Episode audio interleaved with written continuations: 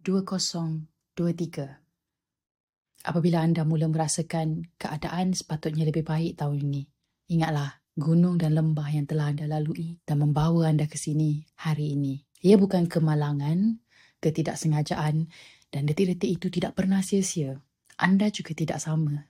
Anda hari ini adalah bukan diri anda yang sebelumnya. Anda telah bertumbuh dan berkembang. Anda masih bernafas.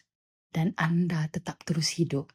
Percayalah kawan, keadaan akan menjadi lebih baik kerana bukan hanya hidup adalah sementara, tapi tiap yang kita lalui juga. Ada yang lebih banyak menanti anda esok setelah usai kita lalui semalam.